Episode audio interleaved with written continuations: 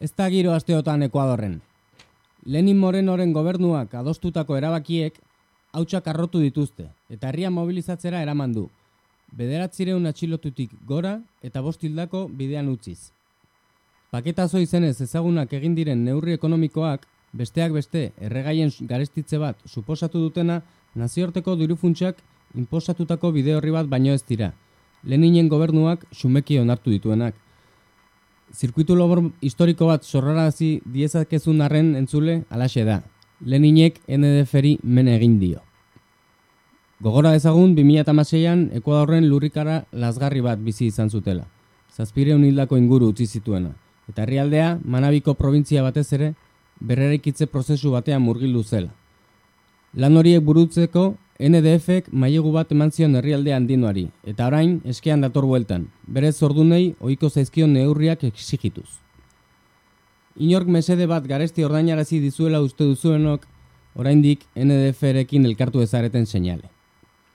Gobernuak bere aldetik kanpo eraginei egotzen nahi izan dira errua, zehazki Nicolás Maduro superbigotes eta Rafael Correa presidente oiari. Venezolarra bere bibotekin ze gobernu eraitsiko zuen pentsatzen ari zen bitartean, berak ironizatu zuen bezala, Correa barkatu Bruselatik mintzo zen, bere egungo bizilekoa den egia. Hauteskundeak deitzera galdegin zuen, naiz eta bera presidente kargurako inhabilitatuta egon, duela ez asko arte bere arizkide zen Morenoren erruz. Bi presidenteren etxaigoa zaratago, Ekuadorrek timoiari eragin diola gauzargia da. Gogoratu Julian Assange, Ekuadorreko enbaixadatik berriki kanporatu dutela. Opari moduan pentsagen dezakegu. Duela markada bat, hogeita garren mendeko sozialismoaz, mintzo ziren herrialde haietatik, gutxik mantentzen dute esentzia hura. Ez dakizuek, baina munduaren orantzko ikusita, behar bada hobelitzateke lepoa lotzen dizun korrea bat, burua liluratzen dizuten izen iraultzaileak baino. Hemen hasten da gaur egur. Guten Tag, meine Damen und Herren. C'est la lutte contre le terrorisme. Katea ez da eten. Agirre, garaikoetxea, Gaur egur. Gaur egur. Gaur egur. Jolasten eta enredando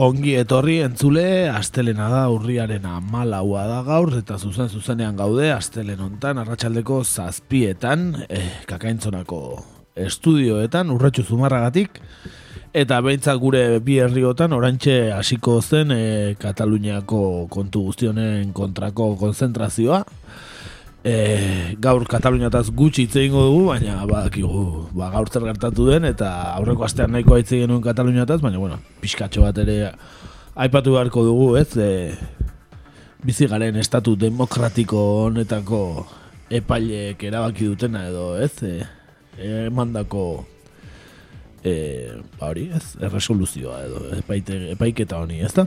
Ba bai, gabon guztioi badirudi aurten ez, urriaren amabiarekin iritsi dela beste adierazpen demokratiko bat, eh? Estatu Espainiarretik, intzuzen ere, hone, hauzitegi gorenetik, eta eta horrela gauzak, ez, badirudi ere erantzuna egoten ari dela horren inguruan. Bai, bai, e, badirudi aireportuak eta kolapsatu nahian dabiltzala eta bestelakoak ere bai, jendeak kalean ez, e, nola da, tsunami demokratikoa edo ez, antolatu dutela, Bueno, ba, kontua da, bederatzi eta mairu urte arteko kartela zigorrak ezarri izkietela gehienei, pare bat eh, askatu dituzten arren, ez da? Iru uste dut. E, bai, dolor, ez, e, Santi Bila, aietako bat, suposatu genezaken. Hori bagenek ez da? Bai, eta, eta beste bi izenak ez ditut orain gogoratzen, baina bai, bai, dirudi iru ez direla espetxan sartuko, beste akordea bertan jarraituko dute. Mm Bai, e, hori da. Gero aipatuko dugu pixka gehiago, Kataluniari buruz pixka ditzeingo dugu, baina, bueno, gure aste hau, bueno, gauza askorekin etorri da, ezta? Eta, ba, besteak beste, ba, editorialen aipatu dugun bezala, ba, Ekuador, ezta? E, asko emandu hitz egiteko aste honetan, eta eta horri buruz ere hitz egingo dugu. Dudare gabe, eh? aste buruan farolak eskibatu ditugu, eta landalan egon gara, beraz, bueno, ba, hemen txaurrea, ezta? Hori da, hori da. Farola, ez dakitzen jarri zuen farola hori hor. Carmenak esan diate, baina oso, oso ezki jarria. Ez da, hori ere bada, bada asteantako gaia, ezta? Ez zuen nahiko izan kabalgata urarekin. Ez, hori da, hori da. Eh. Que soy Koperniko, ez da? Bueno, ba, Koperniko farolak eta danak juntau zian, amabia, urriaren amabi ontan larun batean Madrilen, ez da? Eskerrak ondo geisten zen parakaidista zen, eh? Ai, eta eskerrak kaskoa zuen, ere esan barra dago, eh? Bai, bai, politikan ere goten dira parakaidistak, bai. Baina, Bai, ontan- modan daude azken aldian, ez da? Bai, bai, bastante modan. Farola gehiago jarri beharko. Bai, eta metaforikoa, eh, gertatu zena, eh, era bat. Bai, bai, Espainiako bandera txarrarekin, eh? Argiaren kontra jota, eh? Hori da. Nunbait irakurri non metafora hori, gano, bai. Sábado contra la luz, ezta? Hori da. Bai, ni bat ematire irakurri nion, eh, ba, eskerrak oso ona zen parakaidista eta farola kontra jotzan, bestela igual Bernabeu osoa jango lukela. Bueno, ba, hori xe. Ba, ez dugu asko hitz egingo ez urriaren amabiataz, e, espainoletaz nahiko paso egitea gustoko dugu, eta gaurkoan ala egingo dugu.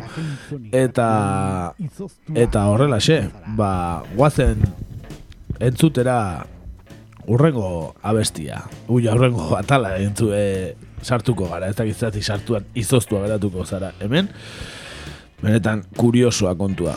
Guazen ba horrekin.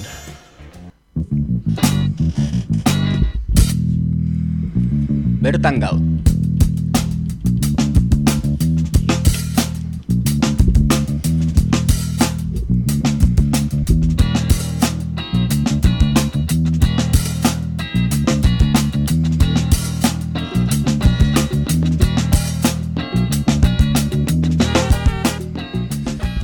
Esan bezala, Espainiari gutxi behituko dugu gaurkoan, eta Nafarroan, eh? Nafarroara biaiatuko du gaurko gaurko hontan, bertan gaur atal hontan.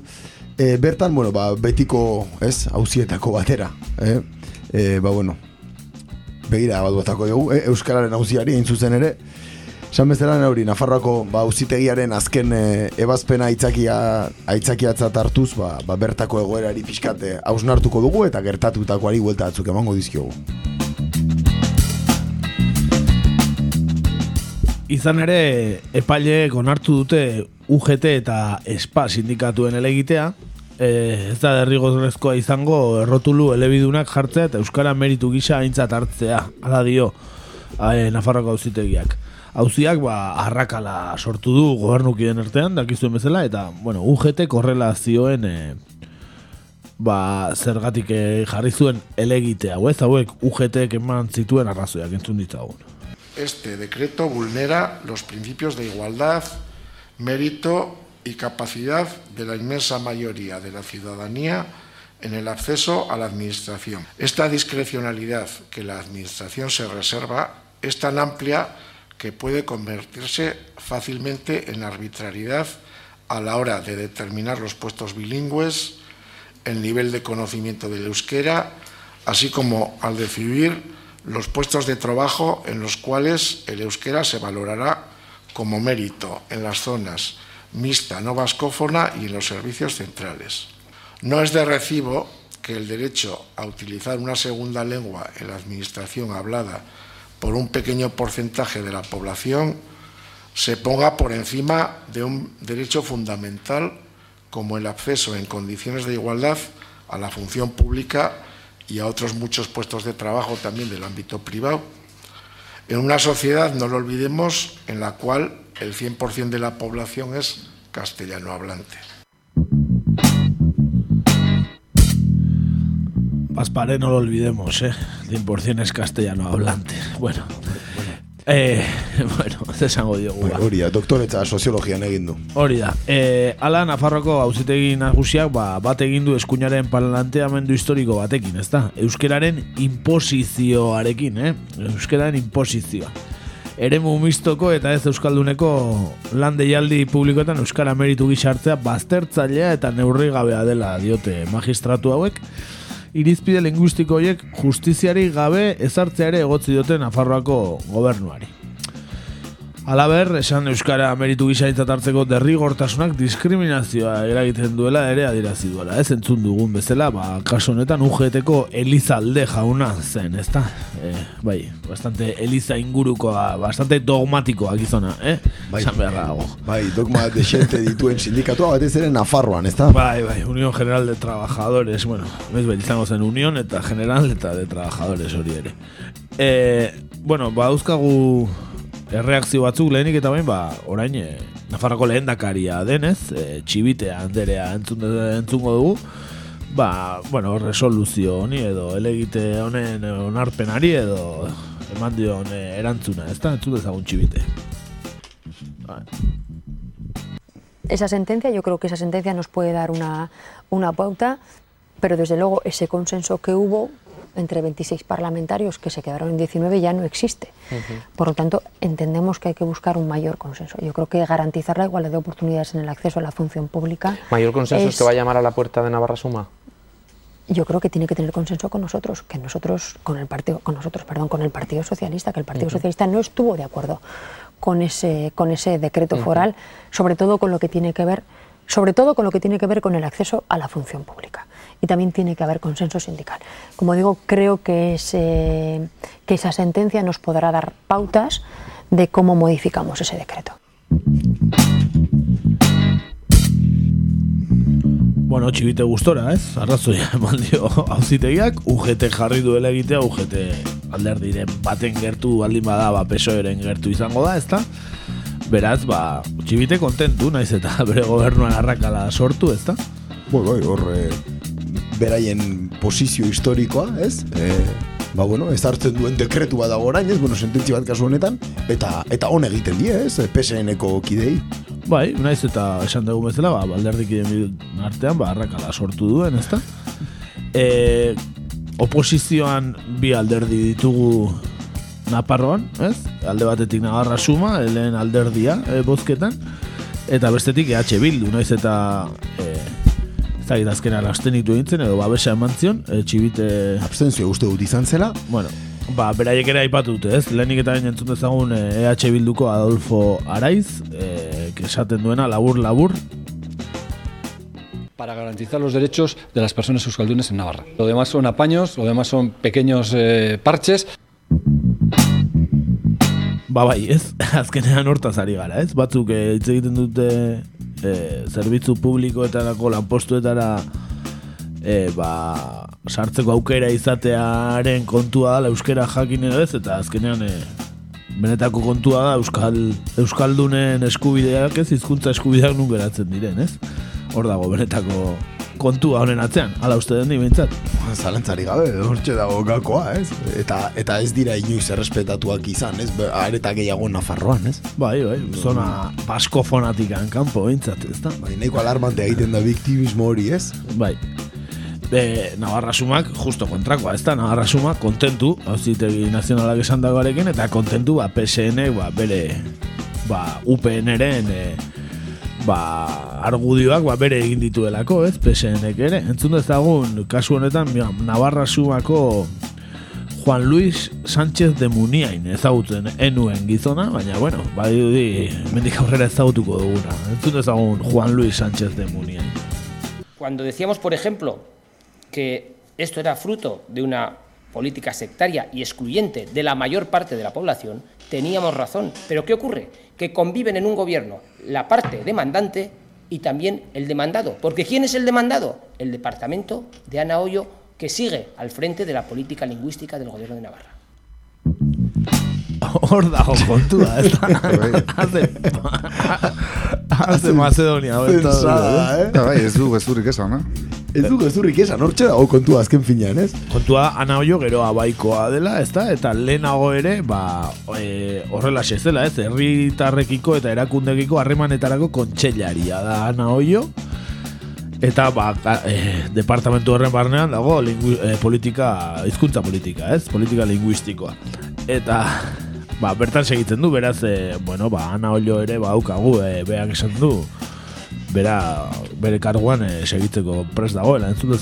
Se está estudiando, primero estudiando las consecuencias que puede tener la aplicación de esa sentencia y estudiando la sentencia en sí, pero sí, me siento respaldada. Hay discrepancias entre las cuatro fuerzas políticas que apoyan el gobierno, pero desde luego las resoluciones del gobierno va a venir desde la mayor seguridad jurídica para todos y todas. Bueno, se siente respaldada, Ana Ollo, eh? Kuriosoa ez da, e, euskerari buruz hainbeste hitz egin eta denek e, gaztelera egitea deklarazioak, baina, beno, zer egingo diogu, horrela kontua, ez da, Baita ere. horrelako elegiteak eta horrelako legeak egin ezkeo, ba, oin dio, eta nabarmenago izango da, eta mendik aurrera gero ez da gehiago izango dira e, gaztelerazko deklarazioak, ez da, zeren UGTkoak esan du bezala, euneko eunak daki gaztelera naparroan, ez da?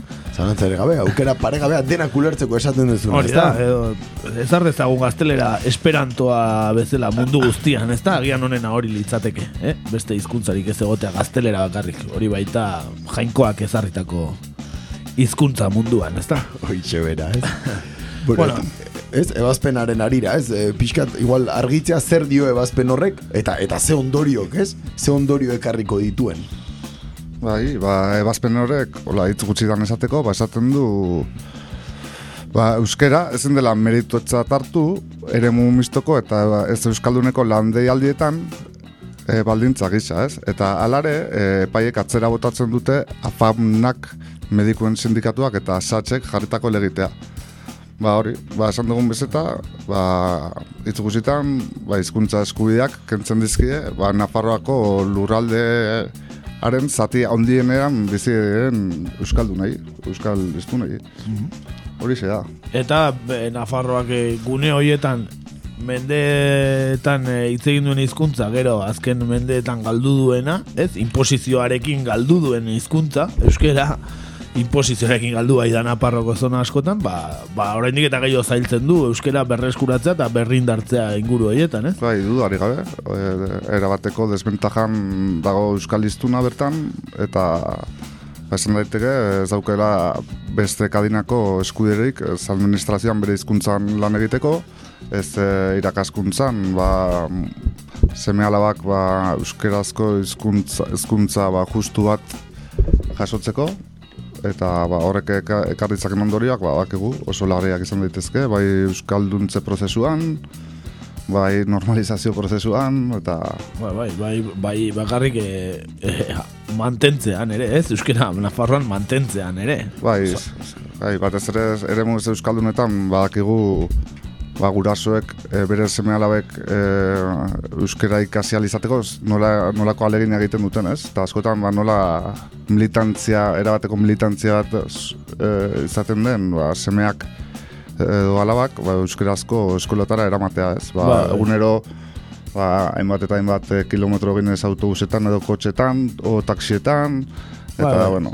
Benetako esfortzu ekonomikoa ere eskatzen duen. Bai, bai, bai. Ba, bai, pertsonala eta ekonomikoa zalantzare gabe, eta konpromesu handi eskatzen duena ere, ez? Bai gurasoen aldetik eta bai eskola kudeatzen dituzten aldetik, dudari gabe.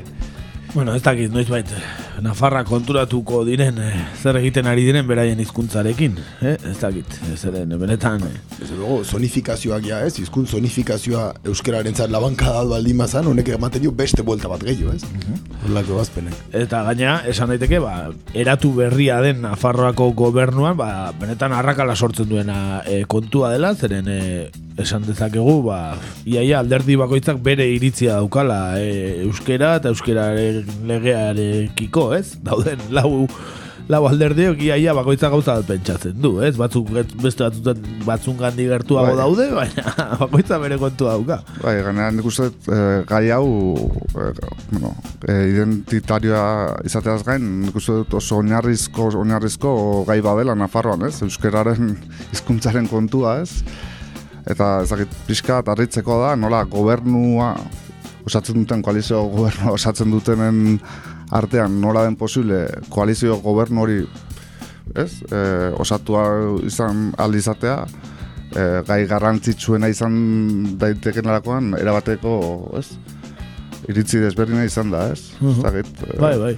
Zagit, agian eh, autokritika egin beharko da ere, ez? Eta zer egin ote den hain gaizki Euskal Abertzaletasunetik eta eta batez ere ba, Euskal Autonomia Erkidegoko edo Araba Bizkaia eta Gipuzkoako abertzaletasunetik, zer egindan hain gaizki, hain beste saltzeko Euskaldunak datoz horrek, eta eta hainbesteko beldurra izatea, ez, e, que vienen los vascos, nun naparrak ere Euskaldunak dian, eta, eta euskera, ba, argi eta garbi Nafarroako hizkuntza den, ez?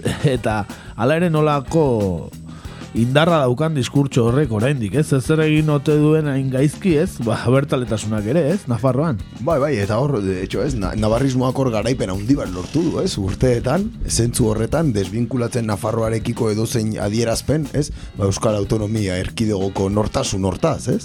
Urteetan hori lortu dute. Eta hori autokritika bat badagoela egiteko ere, ez? Ez da dena aparato mediatikoa edo alderdiek ez jarritako Ez, ez, ba, baliabide guztiak, eh, baizik eta... dezagun UPNek ere, UPN eta PSN artean euneko goita mar berrogei, egin bozkak, bozkan euneko goita mar berrogei ateratzen dute e, in, e, zona Euskaldunean ere, beraz, e, badago hor beste zeo zer, esan nahi dute, Euskaldunak direnak ere bozkatzen dute UPN, eta bera. UPN badaude Euskaldunak. Ez, euskeraz egiten dutenak, esan nahi dut. Bai, bai, bai. Beraz, e, hor badago, ez? Autokritika egiteko beharra badago, ez? Ba- Badakigu ere zer dagoen, ez? Atzetik, ba, frankismo garaia, karlismoa, Hori eta, eta abar, eta abar, baina, baina hala ere. Hor antecedente ideologiko batzuk ere badaude, ez? Euskal eh, zonif, ez? Eh, Euskaldun zonifikazio hortan, ez? Iparralden dauden zonalde horietan, hori ere existitzen da, baina ez da hori dena, ez? Dudarik Ez, ez, noski ez ez. E, gobernu eta zari ginen, aipatuko ditugu pixkate gobernuki den erreakzioak, oposiziokoak entzun ditugu. Bai, e, bai, adibidez, eh, Nafarroko hauzitegi nagusiaren epaiak, e, lehen esan dugun zela, arrakala handia sortu gobernuko ideen artean, eta ba, berain lehen aipatu bezala, ba, valorazioa ere, erabat desberdina egin dute, ez? E, osatzen duten alderdiek. Eta esaterako, ez? Erabakia txartzat hartu dute geroa baik aldugu eta ezkerrak, eta PSN aldiz ontzat eman du erabakia. Ba, entzun dezagun, lehenik eta behin, ba, e, agian sozio preferentea den geroa bai, ez? Indar, bigarren indar esan dezagun gobernu hortan, ez? Ba, bertako bozera mailea den Koldo Martínez, ez? ETB-ko tertuliano bezala hasi zen mediku hori gogoratuko dezue. Bioetikoa. Bioetikoa, barkatu, bai. Ba, bide etikotik doan bioetikoa, Koldo Martínez entzun dezagun. Pensamos que el recurso de casación es una obligación para el gobierno de Navarra. Ba, rekurritzeko esaten ari da, ezta? Eh, Beharrezkoa duela eh, rekurritzea, ala dio geroa baik, ala dio Koldo Martínez bioetikariak, ezta? Ba, hori erreakzioetako bat, baina beste bi hanka ere baditu gobernu horrek, ezta? Alde batetik, eh, Bai, ezkerra, Marisa de Simon, izango da, ezkerrakoa. bai, Marisa de Simon entzun dezagun, ba, ezkerra ezkerrako Marisa de Simonek esaten duena. Que toca recurrirlo porque el euskera tiene que ser puede- tiene que ser un mérito en las mismas condiciones que otros idiomas. que cualquier medida que tomemos no afecte a las personas que ya han opositado y tienen una plaza. ¿eh? Eso lo pondríamos por delante antes de recurrir. Bueno, en- entzun ditugu, bai Marisa de Simon eta gero ba, atzetik korrika eta presaka etorri den Podemoseko Mikel Buil. Beraz, esan dezakegu PSNek ez daukala rekurritzeko inungo gogorik, gero abaik bai eta izquierda ezkerrak ere bai, ala esan du ez, e, Euskerak beste hizkuntze behintzat hori ez, zeren Euskerak orantxe bertan e, lanean sartzeko ez du balio ez da ingelesak bezain beste. Hoxe bera, ez? Ingelesak edo frantsesak gehiago balio dute, ez? Edo alemanak, eh? Bai, hori da, hori da. Igual txinoak, eh, bai, ez dakit. Edo zen hizkuntza gehiago balio euskera baino, lanean sartzeko orantxe bertan Nafarroan, beretan lotxagarria. Lotxagarri, eta egia da ez, hau ere gobernua eratu zenean zenbatetan, ez, eta hemen ere komentatu genuen, e, ze gaietan aterako ziren horrelako eztabaidak eta koherentzi faltak, ez, eta bueno, ba, hemen iritsi da lehenengoa, ez? Bai, bai, desadostasunak daudela argi dago, ez da? Bai, ba, epaia kaleratu orduko azeleratu ziren lehen desadostasunak eta adibidez ana oio Nafarrako gobernuko herritarrerekiko arramenetarako kontseariak elegitea aurkestearen alde agertu zen. Ondoren ordua, na, Nafarroako gobernuko presidente orde eta eredun den Javier Ramirezek aukera guztiak irekita daudela esan zuen. Entzun dezagun Javier Ramírez Berbera, el endakari ordea dugu, eh? entzun dezagun. Lógicamente un gobierno que se somete, sus decisiones están sometidas al control judicial, como tiene que ser dentro de una democracia madura, donde hay un equilibrio de poderes, pues por supuesto un gobierno está sometido a que una decisión pues sea revertida, o parte o todo, por parte de los tribunales, sin ningún tipo de problema. Eso no tiene que considerarse como una especie de desautorización política. La idea es valorar un poco, insisto, todo lo que es eh, los escenarios que pueden afectar y ver cuál es la mejor decisión, sobre todo en beneficio de la ciudadanía. Estamos en esa reflexión que tiene varias cuestiones que hay que, analizar, insisto, sobre todo lo que afecta a derechos de la ciudadanía y en base a ese estudio tomaremos la decisión definitiva. Bueno, ba, Javier Ramírez lasai dago, eh? Esaten du, eh? De, ba, hori, demokrazia batean, eh, ba, epaileek esan dago onartu behar dela, eta, eta demokrazia, ba, eldutasuna ba, bat duen demokrazia bat eh, itxura eh, dela hori, ez? Gaur ere ikusi dugu, Espainiako demokrazia zeinen heldua den, ez da? Eh, Kataluniako kasuarekin ere, ba, hemen ere berdin. Bueno, ba, epaileak, ez, UGTek sindikatuak elegitea jarri, epaileak onartu, PSN-koak pozik eta esan gainera, ba, zer egingo diogu ba, ez, epaileek diote, ez, e, demokrazia bateko horrela funtzionatzen du, bueno, betiko trampa, ez da? Hori da, ez, mantra hori denetarako balio du, ez? Esaten da bezala, para un roto y un descosido, ez? Ba, hoxe, berdin dugu. Beraiek elegitea jarri, epaileak garratzea eman, eta zer egingo diogu ba, ez, gu gobernu bezala ezin dugu besterik egin, onartu, ez? Eta hor kontutan hartu gabe, Navarra sumak ez duela kasi paperik izan. Hau da, UGT ez, UGTek egosi du pixka bat asuntoa, eta Navarra sumakoek ba, horrela egiten egongo dira, ez, eskuekin, ez, txaloka. Benetan, i, ikaragarria ugeteren espainolismoa, eh, kasu honetan, Nafarroan, eh, benetan. Aderazgarria, ez da, bueno, e, beraiek hartu dute bide hortatik ez, lanpostuen bidetik, baina, bueno, benetan. Bai, ber- berriz ere emango die Nafarroako domina UGT-ko, ja. Emango die, bai, Príncipe de Viana ere emango die. E, baukagu azken deklarazio bat e, gobernukiden artean, eta Ramon Alzorriz da. Eta berak dio PSN-koa Ramon Alzorriz, eta berak dio, ba, bueno, gobernua eratu aurretik ere, bazekitela gai hontan, ez zirela ados egongo gobernukideak, horrela se dio argi eta garbi Ramon Alzorriz. Las diferencias estaban antes de, en, este, en esta materia, estaban mucho antes de llegar al gobierno y por lo tanto es algo que estaba tasado dentro de los acuerdos del programa de gobierno. Los seguiremos eh, como se acordaron, eh, como los firmamos todos los, eh, los que allí estábamos y llegamos al acuerdo.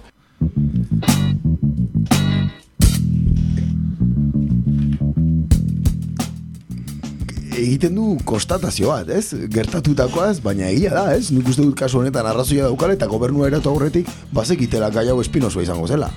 Ba, edudari gabe, ez, e, kontua da, eske, PSN, ez, adibidez, PSEek, ba, dauka, ez, e, ba, komponente baskista hori, ez, e, Euskal Autonomia Erkidegoko alderdi sozialistak, zein lehen Nafarroan ere bera zen, ez, Partido Soz- Nafarroako Partido Sozialista, PSE barruan zegoen, bai. PSE barruan zegoen, ez? E, gero erten, zego ez dakit larogeita pikoan, edo Bai. noiz irtengo zan. Euskadiko parte sentitzen ziren, beraien Bai, bai, baina orain erabat e, zati baskista hori PSN-en ez dago, Nafarroko Partido Sozialistan ez dago, ez? Eta argi geratzen da gaina ez dagoela, ez?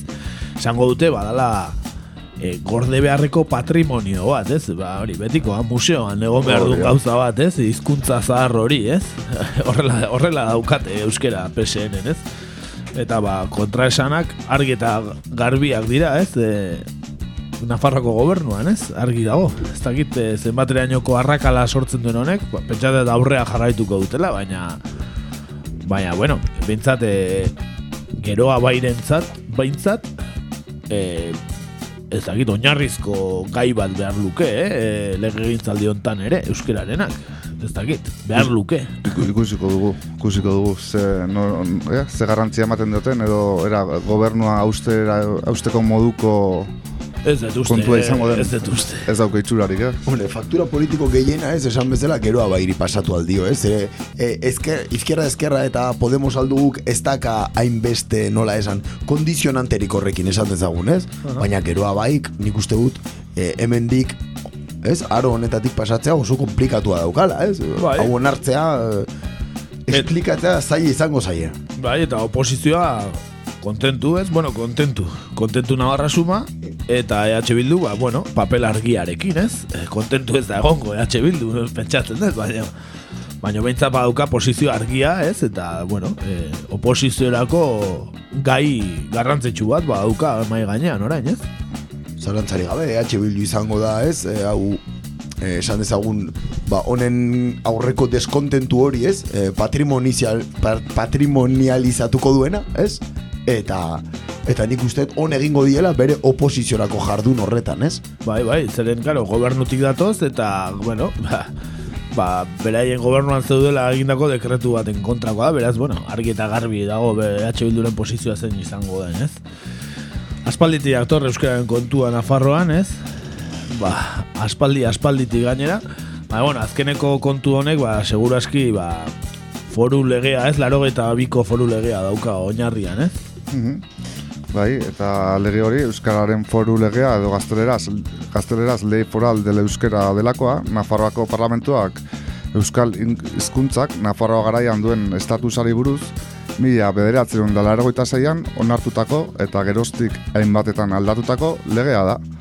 Non ere muka, Euskararen ofizialtasuna ezailkatzen duena, eta horren arabera, hezkuntza arloan eta administrazioan, haren presentzia edo absentzia ezartzen duena. Eta, bueno, pixkata ipatzearen, legea aurrera atera zuten urte hartako alduan aldeko hogeita bederatzi botorekin, tartean PSN eta UPNren parlamentari batzuk, eta aurkako irurekin.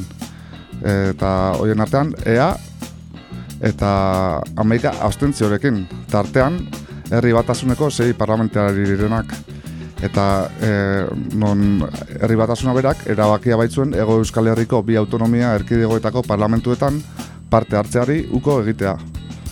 Ba, zuko egitea onartuta zuken, orduan ez zuen kontra bozkatu atxebek, baina, bueno, ala ere ez zuen e, lortuko aldatzea ez, legearen emaitza. Ez zenbakiek ez zuten emango ez. Ba, bueno, PSN eta UPN-eko parlamentariek e, erabakitakoa, ez? Agian, ez dakit munduan badagoen beste tokirik, baina herrialde txikian e, hizkuntzea hiru hizkuntza eremu sortzekoa, ez? Eta eta ez legezkoa izatea hizkuntza e, lurralde osoan, ez? Ezagir, ba, lurralde oso oso handi batean gertaliteke, ez? Baina baina Nafarroa ez da handia, eh? Nafarroan, ez? Kotxean, ez? Bi ordutan zeharkatzen duzun lur eremu batean, zonifikazioa hiru hiru zatitan eginda dago, ez? Bueno, eh, bai, eta gero askotan hitz egiten dute, non beste estatu batzuetan edo non hizkuntza hizkuntza txikiek ez duten batere eskuderik, ba Nafarroan, ba Iruñerritik bera edo hola geratuko da euskararen valorazioa, da euskararen zea, e, ba, dibez, ba, Frantzian dauken estatus berdina dukeko du. Bai, ba, ikastolaren bat egongo da, baina ez er ofizialik ez bai, bai, bai, eta ba, nik uste egoera oso larria dela, ez? E, Euskal lurraldetako ba, ez, bi erenetan euskera ez ofiziala izatea. Bai, bai, bai, eta gelitzea, ba, hori ez, ba, betiko diskurso hori, herriberako diskurso hori, ez? Hemen ez dugu euskara ditzegin ez dakitzen bat urtetan, o inoiz ez, esango izute batzuk. Bueno, ba, eta beste tokietan egon da, eta eta ez dago inposizioagatik, ez? Inposizio bategatikan desagertu da euskera, ez?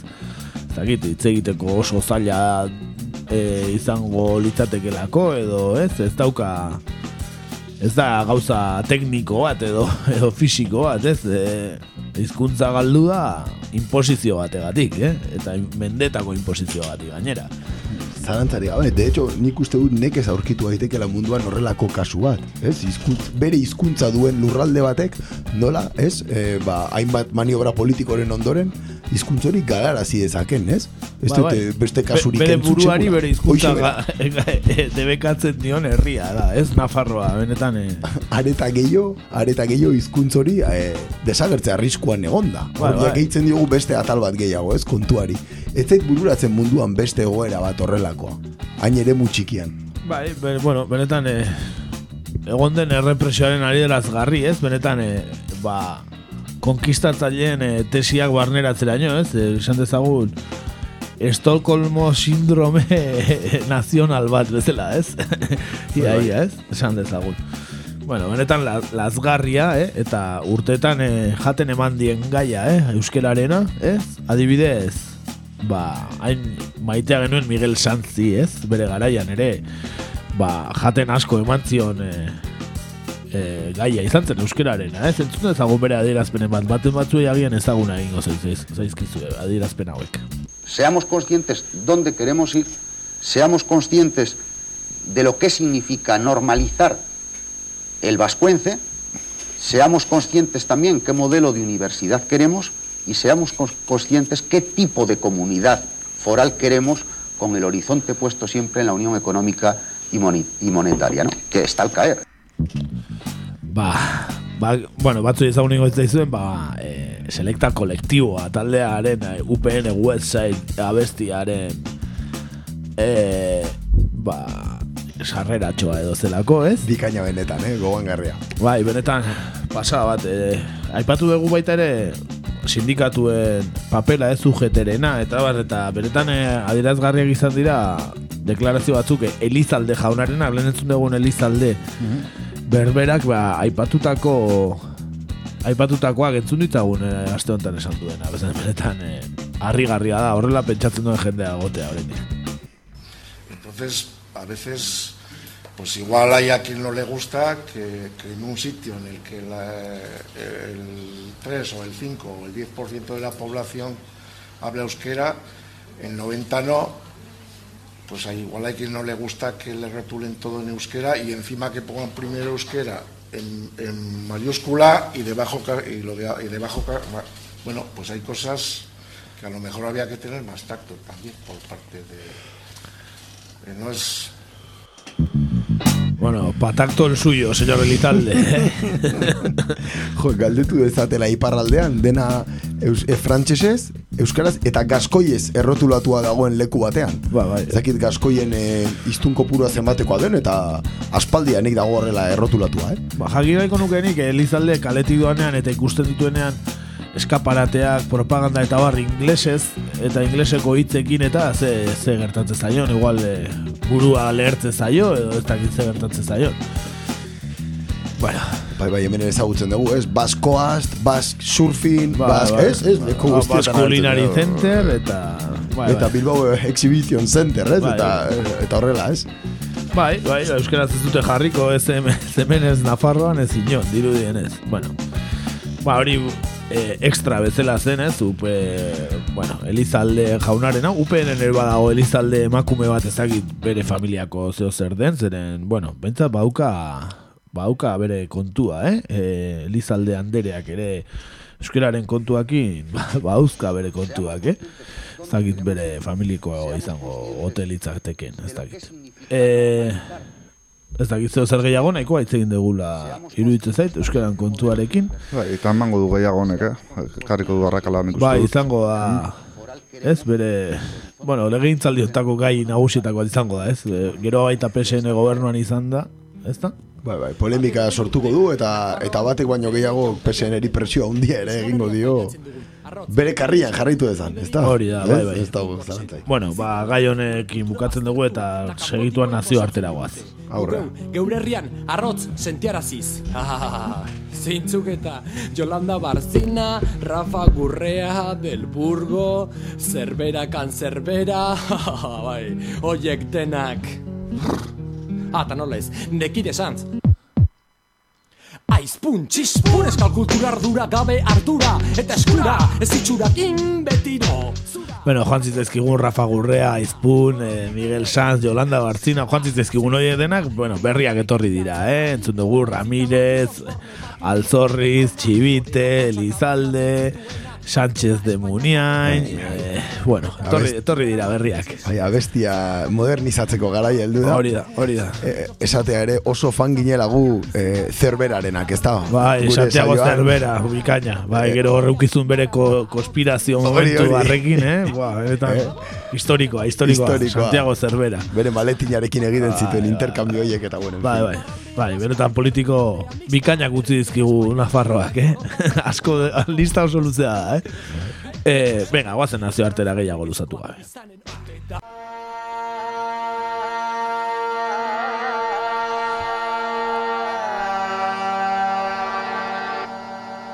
Nazio artean gaur,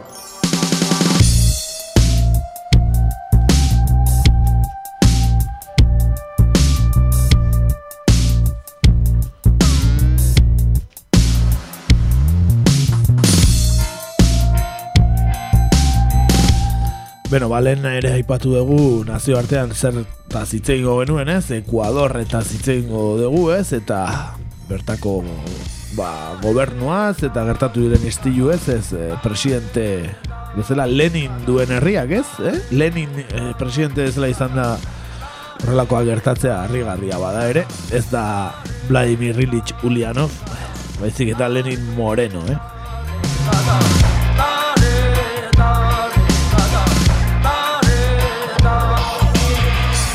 Ba hoxe, Ozeano Atlantikoa gurutzatuko dugu eta azken asteetan, ba, Ego Ameriketan berri iturri handia izaten ari den Ekuadorreraino joango gara. Lenin Moreno presidenteak eh, hartutako azken erabaki ekonomikoek ba, aspaldian zegoen sua auspotu, auspotu dute azken asteotan, ez? Gertatzen ari diren protesten zergatia eta herrialde Amerikarrentzat ze aldaketa suposatu dezakeen aztertuko dugu gaur kontan.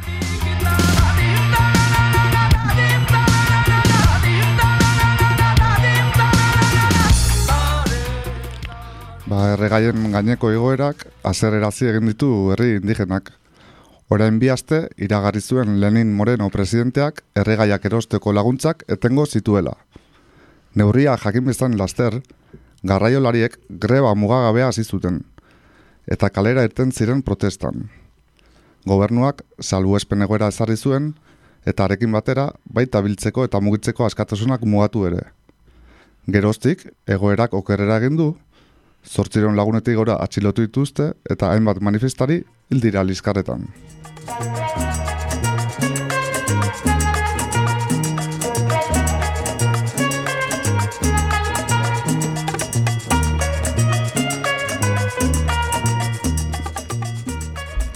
Eta pasaden aste artean, iuntzean milaka manifestarik parlamentu hartu zuten. Ordu bete inguru iraun zuen parlamentu baruko protestek segurtasun indarrek negar gazekin handik atererazi zituzten arte. Handik utxira, gaueko amarrak eta goizeko bostetara, artean instituzio publikoetara gerturatzeko debekoa ezari zuten. Izteiuak etete aldera.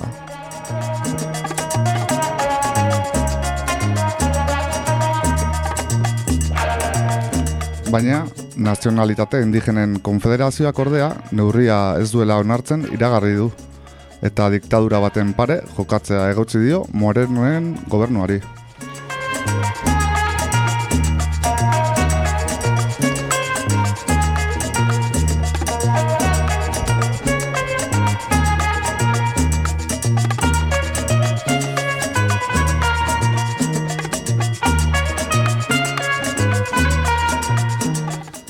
Bueno, errepasa ditzagun arrazoiak orduan berriz ere, ez?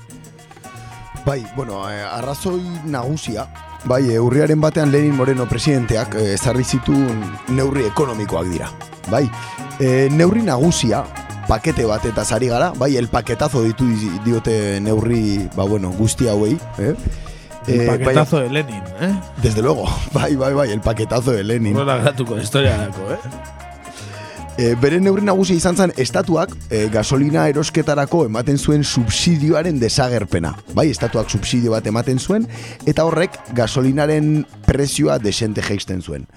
Kontua subsidio hori e, kentzeko e, ba, bueno, dekretua sinatu zuela morenok eta gasolinaren merkatuaren liberalizazioa ere ba, albidetzen duela dekretu horrek. E, ideia bat egiteko datutan eta dirutan, bai, neurriaren ondorioz, e, gasolina gasolina galoia bat laro dolar kostatzetik bi berrogeiera pasatu zen egun batetik bestera. Areta aukerrago dieselarekin. Diesela Ekuadorren jende gehienak, transportista gehienek erabiltzen duten kombustiblea da, bai? Eta egun batetik bestela, bat 0 iru dolarretik bi hogeita bederatzi dolarrera. Igo zen hau da, euneko eunda hogeita irua garestitu zen egun batetik bestera ondi iruditzen bazaizue, Lenin Morenok eh, eh, subsidio honen inguruan esandakoak entzungo ditugu. Entzun dezagun ba Lenin Moreno. No existe posibilidad de cambiar principalmente aquellas relacionadas aquellas relacionadas con un subsidio perverso que estaba causando demasiado daño al país. Un subsidio perverso, eh?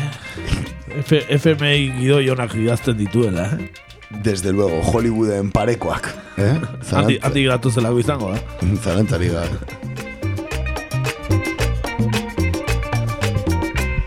Bueno, eta horrek greba orokorra ekarri zuen, ezta?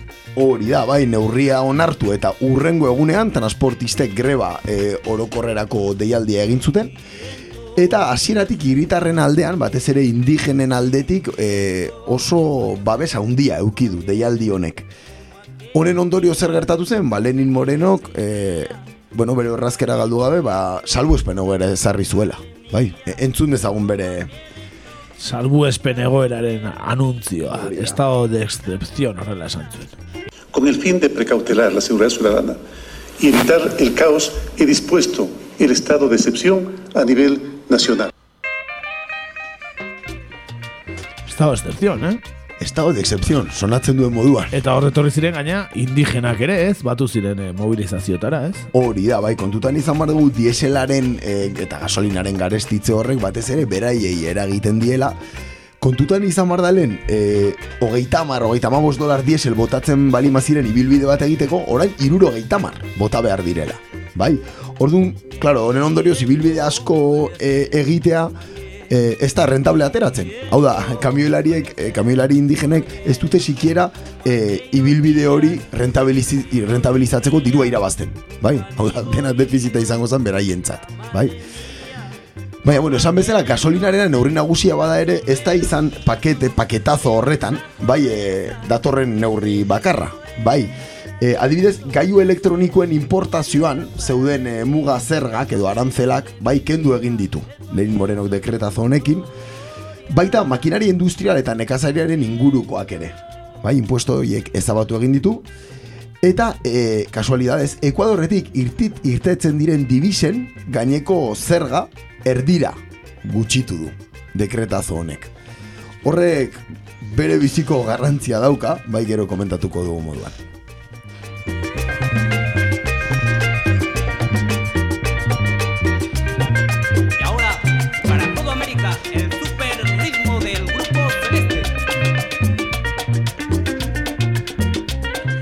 Komentatu ezagun ba zergatik duen horrelako garrantzia. Kontatzen dugu, kontua zein da, zein dia neurri hauen ondorioak, ez praktikan. Bueno, gasolinaren prezioaren inguruan, bai, e, indigenei eragiten dien, ez, ba, guzti horret, hortaz aparte esan dezagun, e, esan barra dago, Lenin Morenok deus estatu duen subsidio hori, laro gehieta margarren amarkadan egondako eskuineko e, gobernu ultraliberalek ere ez zutela kendu, ez ziren ausartu, bai, e, dekretazo hau egiten, Lenin Moreno korain egin duena. E, ondorio larriak, are larriagoak izan ditzake, e, produktu gehienen inflazioa bideratuko duelako. Lehenengo gauza, bizitzaren prezioak garestitu egingo delako honen ondorioz. Bai, bestalde, produktu eta zerbitzuen prezioak gora egingo du, eta soldata berdinak mantenduko direla aurre ikusten da, Bera zer gertatzen da, ba, jendearen botere adkisitiboa bera egingo duela. Eta bizikalitate are eta berago. Bai. E, zer egin zuen Lenin Moreno? Lenin Moreno nahiko pertsona demagogikoa da, ezagutzen ez duten entzat. Bai. Eta neurri honen paliatibo moduan, ba, garapen humanorako bono bat. Asmatu zuen, bono horrek zer egiten du. Ematen dizkie amabos dolar hilabeteko bai, gehiago esan dezagun, orain arte bono hori jasotzen zutenei. Hm? E, ideia bat egiteko, Ekuadorren amabos milioi biztan letik, bat koma iru milioiek jasotzen dute bono, e, garap, garapen humanorako bono hau, bai. Behartxuenak dira, berez, bai, korrearen garaian egindako bono bat da hau, eta orokorren berrogeita mar, eta eunda berrogeita mar dolar e, arteko laguntza jasotzen dute. Bueno, ba, Lenin Morenok amabos dolar gehiago hilabeteko gehitu zituen bono horretara bai, paliatibo moduan. Bestalde zer gertatzen da? Karo, gasolinaren laguntza hau, eh, subsidio hau ezabatzarekin, estatuak aurrezten du dirua, bai, kasu honetan ez gutxi, mila irureun milioi dolar aurreztuko lituzke urtero, baina ikusitako ikusita ez dirudi garapen sozialerako erabiliko dituenik, bai. Agian eh, FMI-rekin dauzkan zorrak kitatzeko erabiliko ditu ez? Edo zorrak handitzeko, zein daki, FMI guak igunola funtzionatzen duen.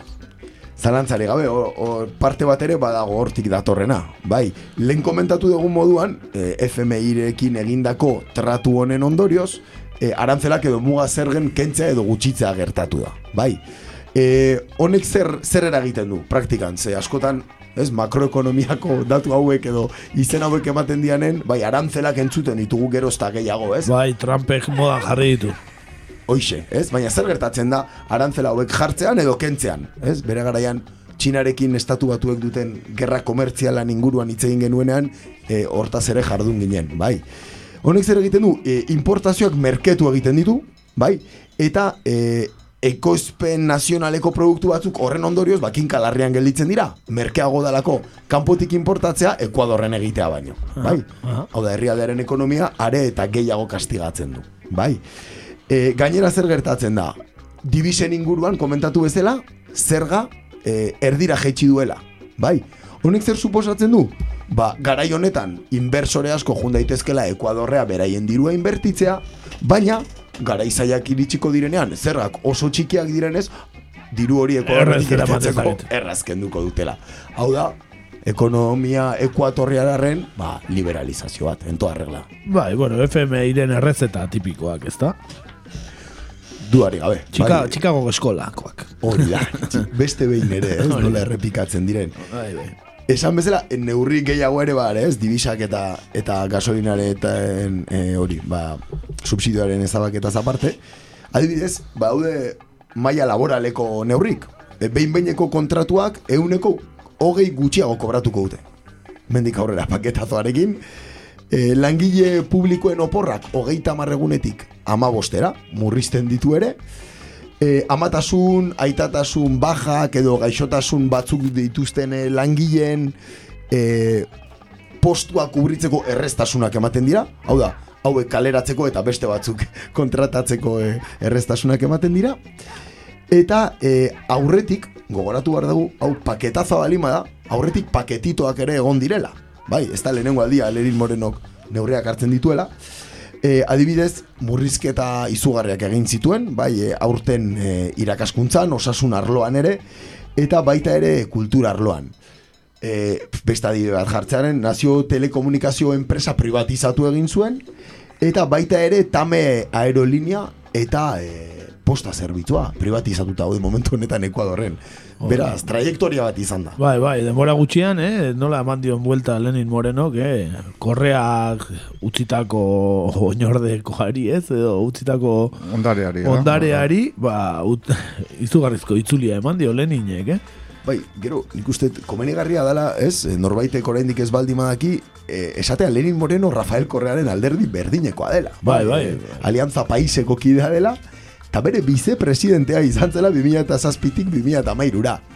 Bai, bai, baina bere iritsi eta FMI iri alfombra gorria jarri dio Ekuadorren, eh? Bai, hola, hola izan da.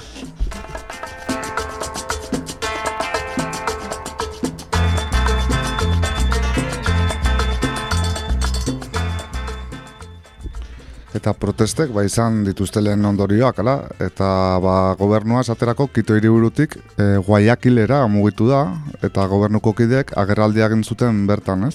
Presidentiari babes agertzeko eta protestak amaitzeko eskatzeko. Rafael Correa presidente hoia egiten du Morenok protesten erantzule, eta estatu kolpe saiak ere bat izan dela dio, eta beraiek dauden beraiek, ba, korrea eta konpainia, omen daude honen atzean. Eta sektore indigena batzuk ere, euren alde jarri dituzte, irian kaosa eta sabotaiak bultzatzeko. Hori esan du morenok. Bai, hori da, eh? korrea erantzule modura eta maduro ere, bai, ez da. Gainera, entzun ezagun eh, Lenin Moreno bera, maduro atzean dagoela esanez, eta gainera el satrapa maduro deitzen dio, beretan ikaragarria, Lenin Moreno ere hitzak entzun. Los saqueos, el vandalismo y la violencia demuestran que aquí hay una intención política organizada para desestabilizar el gobierno y romper el orden constituido, romper el orden democrático. En las imágenes es evidente que los más violentos, aquellos que actúan con la única intención de agredir, dañar, son individuos externos, pagados y organizados. ¿Acaso creen ustedes que es coincidencia que Correa, Virgilio Hernández, Patiño, Pavón, hayan viajado al mismo tiempo hace pocas semanas a Venezuela. El sátrapa de Maduro ha activado junto con Correa su plan de desestabilización. Bueno, aspaldiko kontua, ez da Venezuelarena. Hemen baki guztiot ere, Pablo Iglesias sigue galdetu, ez du ez dela, eh? Desde luego, desde luego, leku guztiatik erartu zaizkio. bueno, esan marago Maduroena prodigiosoa dela. Ze, oain dela urte bete inkapaz utxa zana, ez? Ta bere herrialdea miseriara eramaten ari zana, ez? Sei hilabetetan, e, Amazoniako suaz akusatu dute, Peruko politika gintzan eragiteaz. E, orain, Ekuadorreko, ez? E, iraute edo sabotai guztien erantzule egin dute. Total, inkapaz, inkapaz bat zela, baina orain herrialde guztian eh, eragiteko boterea daukala Maduro. Baina eske etzen enteratzen, eske ez da Maduro, Maduroen atzean Kuba dago, eta da, egia guain da. Diaz Canel da. Orduan Diaz Canelek moitzen ditu Ego Amerika guztiko ariak. Bai, bai, bai, bai, bera da, bera da. boikota, boikota daukan Kubak, eh, moitzen du Ego Amerika guztia, ez FMI, ez estatu batuak, eh, Kubak, eh. Ez que ez dago nundik, ez? Nundik hartzeik hori. De hecho, orain FMI hau ipatu dezula, be, ez? Behitxu ezagun ze reakzio eukiduen, ez? E, nazioarteko diru funtsak e, gertatutakoaren inguruan. Zer esan du FMI-ak? FMI-ik, FMI-ik txalo egin du belarriekin, bai, kasu honetan. bai, e, hartutako neurriak, gogoratu behar dugu, Lenin Moreno eta eta beraien arteko akordio baten ondorioz eman direla, bai, e, nazioarteko diru funtsak, lau mila milioi dolarreko finantziak eta lortzeko, Lenin Morenori neurri hauek, eta askoz gehiago seguraski, e, ba bueno, hartzeko konpromesua. Eskatu zion, bai dirudi oraingoz betetzen ari dela, gero komentatuko dugu, ez? E, baina haien e, haien iritzitan e, neurriek ekuatoriar ekonomia ekonomiara iraunkortasuna eramatea dute helburu. Bai, txiroenak eta ahalduna babeste aldera. Ba. Hoxe FMIren notan irakurri zitekena, eh? Es que Imaginatu. beti izan da horrela, ez? Eh, eh, Fondo Monetario Internacional da FMI, ez dakin ez? Euskeraz nola da? Bai, nazioarteko diru funtsa, ez da oso diru funtsa, ba, ba, bueno, ba, beti horta dedikatu da, ez da? E, pobrenen alde lan egin duen erakunde bat izan da, beti, eh? beti, beti. Bai, bai, betxu Grezian ere adibidez, ze paper polita egin zuen, ez? Bai, eta Afrikako herrialde askotan, bueno, ikusten da, ia lehen munduan daude Afrikako herrialde horiek, argi eta garbi, ez da? Hoxe bera, ez? Ordu noixe, bueno, ba, nazioarteko diru funtsaren erreakzioak dena, ia dena esplikatzen du, ez? Gero, eukidu baten bat, e, ba, bueno, bere kontra agertu dana, kasu honetan Pepe Mujikaren kasu, bai, ez? E, traidore deitu zion aurrekon, e, bere elkarrizketa baten, Baina esan barra dago batez ere, babesak jaso dituela. Lenin Moreno, ba, imaginatuko duzuen moduan, Argentinatik, Bilderberg klubetik hola, igual. gutxi, gutxi gora bera. Bai, gutxi gora bera. Pues oize, Argentinatik eh, Macrik txalotu du, Bolsonarok Brasiletik, eh, Kolombiatik ere txalo egin diote, eh, El Salvadorretik, Guatemalatik, Paraguaitik, Perutik, pues oize, ez? Ba, be- beste adarreko herrialde guztiek be, beraien sostengoa dierazi diote. Bueno, e, eun urte gerogo beste Lenin bat dugu mundu mailako politikan, ba, justo beste bandora joan da. Bai, bai, badirudi hemen zerbait gertatuela. Dena den, azken ba, orduko, orduko eh, berriak zeintzuk izan diren, ba, atzokoan, bai, e, urriaren, e, urriaren amairuan, e, negoziaketak hasi zirela, bai, e, lider indigena eta gobernuaren artean, eta badirudi, e, Lenin Morenok bere, de, bere paketazo hau atzera bota duela. Claro, ikusi beharko honek nora eramango duen. Nazioarteko diru funtsarekin konpromesu esente hartu bai ditu, esan bezala aurretik neurri askoia hartuta daudelako, eta seguraski etorkizunan gehiago hartzekotan egongo delako. Beraz ikusi beharko dugu negoziaketa horiek, e, ba, nondik nora doaz. Zaio gustatu Guayaquileko klima eta Kitora bueltatu nahi du lehen bailen, ez? Hoxe bera, ez da oso kostagizona Lenin Moreno. Hori da. Eta horrela gauzak Ekuadorren, ez da egoera makala. Bai, oraindik ez da amaitu historia, ikusten zagun, badirudi baina atzera joango dela orduan e, subsidioak entzearena, ikusiko dugu, ea, negoziazioak zerta iristen diren. Eta, ba, zen jarraituko dugula, ez, aktualitatea, du, dudari gabe. Hoi zer esana emango du segurazki Lenin Moreno jaunak, eh, badirudi boterea, boterea usteko inungo intentziorik ez duela, beraz, eh, ba bueno, adi egongo gea eta eta jarraipen egingo diogu, ez? Hori da, e, Bai, eta zerbait azpimarratzearen, ba, e, jendeak emandako erantzuna Ekuadoren, ez? Adik e, protestak e, ikaragarriak izan dira, eh? Bai, bai, bai, jendeak kristonak. erantzun du, bai indigenek, bai herrixeak, bai ezkerreko e, sindikatuek eta beste hainbat eragilek, eta bueno, Bai. ba, oraingoz lortu dutela dekretu hori geratzea. bai, bai. Eta puntu bai. positibo bat, ez, bilatzearen, ez, gertatutakoari, e, hoxe da, ez, e, e, ekuatoriar gizarteko kapa asko batu egin direla, ez, honi frente egiteko, eta aspaldianik etzela gogoratzen horrelako, ez, ba, ba koesio bat, ez, ezkerreko indarren artean, beraz, bueno, ba, hortxe gelditzen hori ere, ez. Bai, gu- gutxitan gertatzen dela e, ba, ba mobilizazioek e, zeo zer lortzea, ez? Azkenen gara hauetan gutxitan gertatzen den kontua da. Hoixe bera. Beraz, hoixe. Bai, hori xe, abesti ditxo batekin uste zaituztegu, pixka zintzurra guzti eta ahotsa deskantzatze aldera. Ze abesti, ba, noa joan da gobernua. Guayaquilea. Guayaquilea, ba, mano negra, abesti bikaina ez da, Guayaquil City va a reventar. Omen alditxo bat guretzako ere. Tanto calor.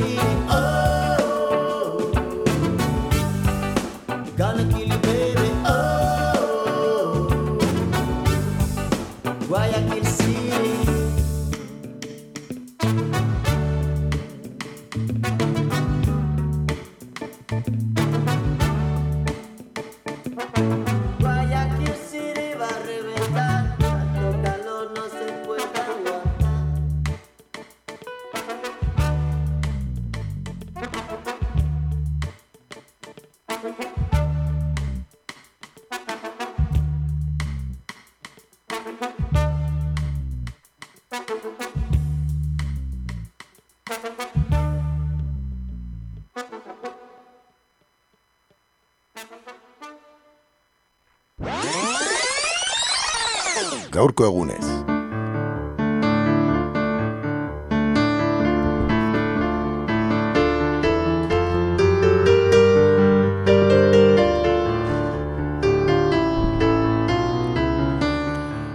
Beno, gaurko egunez e, ba, efemeride etxo bat ekarri dugu, ezta? Gaurko egunez gertatutakoa.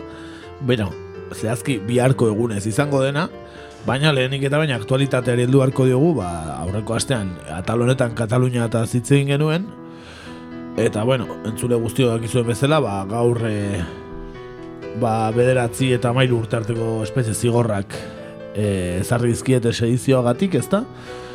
E, ba, bai hemen ditugu Oriol Junquerasi amairu urte, Raul Romeo Ari amabi, Joaquin Formi amabi, ez amar urte eta erdi, Jordi Turulli amabi, Josep Rulli amar, eta erdi, Dolors Basai amabi, Carme Forcaeli amaika eta erdi, Jordi Sánchez bederatzi, Jor, eta Jordi Kusaite beste bederatzi. Eta Santi Vila, Carles Mundo eta Meritxell Borras e, e, ba, bueno, isuna eduki dute eta inhabilitazioa, baina ez dute urte eta zortzi hilabeteko kartzela zigorra ez dira kartzelan sartu, ez dute kartzelan jarraitu beharko batzuk eta sartuko bestek.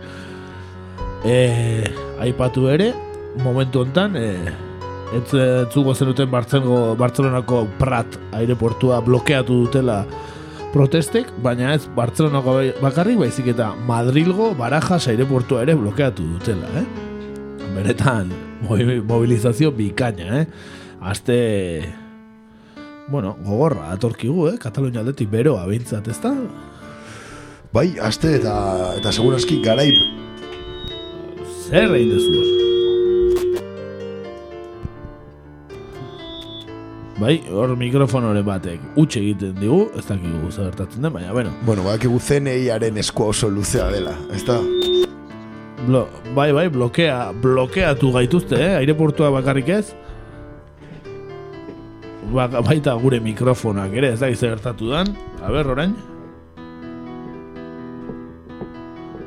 Hora gaude, ez gaude? Ez, bueno, zuzeneko kontuak, eh? A ber, orain? E, orain? Ez, ez, ez da ondo entzuten. Bueno, mikrofona blokeatu zaigu. Irudi, zuzeneko kontuak, eh? Esan degun bezala, ba hori, e, mobilizazio gogorrak datozkigula e, Barcelona aldetik, eh? Bueno, Katalunia aldetik, eta momentu enten Madrilen ere bai, eh? Hor ja, bueno, entzuteko izango da Espainia aldetik diotena, eh? bai, jokaldi nagusia egia esan, ez? Beraien aldetik horrelako egun batean, e, ba, horrelako ekintza hundi bat egin izana, eta ea zerrekin ateratzen diren orain, ez? Azken, azken boladen asko entzun izan dugu violentziaren mantra, ez? Kataluniari buruz hitz egiterakoan ere, ez? Bai, bai, gaur ere, bueno, emakume bat eh, lurrera gota dute, hor zebilen, esto suelo español, esto suelo español, bueno. Bueno, bakoitzak bere erabakiak hartzen ditu bizitzan, eta... Hori da, bueno, ez da besterako izan, baina esan gute kriston violentzia izan dela, eh? El correo ja ikusi dute brutal agresión eh, jartzen, el correo español, bizkaiako nunkaria, eh?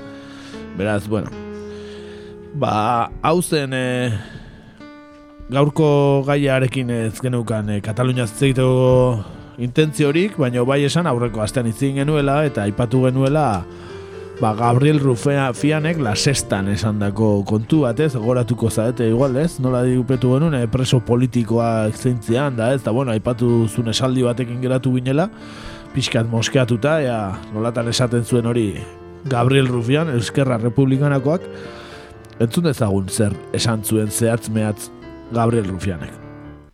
Sobre los eh, siete personas detenidas, no digo CDR, sino sobre las siete personas detenidas, ¿para ustedes son presos políticos? Ninguna persona que haya utilizado la violencia o haya querido utilizar la violencia es un preso político. Dicho esto, eh, secreto de sumario y que me rasca de explicaciones. ¿Son presos políticos, sí o no? Ninguna persona que haya intentado utilizar la violencia es un preso político. ¿Y estos siete detenidos? Secreto de sumario. Es que no sabemos. Es muy responsable decir otra cosa, yo creo. Bueno, aipatu genuen aurreko astean ere, ba, olako adierazpenak egitea, ba, o historiaren ez jakintasuna duela oinarrian, edo bestela, ba, ez degula, ulertzen bere estrategia, bueno, ba, ez, eko, violentziarekin ez, ez nahaztea katolinago prozesua da, baina, bueno, esatea, ez dagoela violentzia erabili duen, erabili nahi izan duen eh, preso politikorik, ba, bueno, pixkata raroa egintzitzaigun entzutea, ez da? Zeren adibidez, beste beste aipatu genuen Nelson Mandelaren kasua, ez? Ba, bihar, urriak amabost, hogeita amar urte beteko dira, Ego Afrikan, ba, Nelson Mandela buru zuen Afrikako Kongresu Nazionala, alderdia, legeztatu zutela, eh? Ia hogeita amar urte gontzan legezkampo, baki guzter den hemen, eh, alderdi politikoak ilegalizatzea. Ba, Ego Afrikan ere, ba, Afrikako Kongresu Nazionala legezkampo zegoen, Nelson Mandela kartzelan eta bihar beteko dira hogeita mar urte legeztatu zutenetik.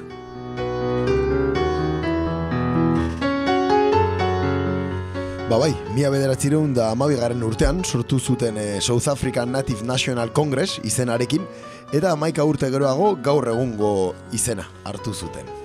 E, mila bederatzireun da berrogei garen urtean, Shuma izendatu zuten erakundearen buru eta kide gazteak bere ingurura erakartzen hasi zen. Gazte haiek, ma Mandela, Sisulu eta Abarrek, Afrikako Kongresu Nazionalaren gazteriaren liga osatu zuten berrogeita lauean. Mia bederatzireun da berrogeita marreko amarraldian, zurien gobernuak apartheid politika ezarri eta berehala, Kongresuko kideak ugaritzen hasi ziren eta arrez gero apartheid politikaren aurkako tresna nagusia izan zen. Irurogeita batean, Afrikako Kongresu Nazionalak talde militar bat sortu zuen, unkontou esizue, nazioaren lantza izenekoa gobernuaren kontrako sabotajeak egiteko. Bueno, ba, ipatu ezagun Nelson Mandela bera zela un konto wishizeren beso armatuko burua. Eh? Eta bere helburua nazioarteko babesa lortzeaz gain, taldea sortu eta entrenamendu militarra izatea, ematea izan zela, ezta? Gobernua eta militarrak helburu zituen sabotajeak egin zituzten, baita gerrilla guda baterako planak egin ere. Sabotajeek ez bazuten aparjidaren gainbera eta amaiera ekartzen. Mandelak nazioarteko gerrillarentzat finantziazioa bilatu nazioartean, gerrillarentzat finantziazioa bilatu zuen, eta taldearentzako antolamendu paramilitarra ere, bai, eh? antolatu zuen, eh? E, adibidez Nelson Mandela hau esan zuen.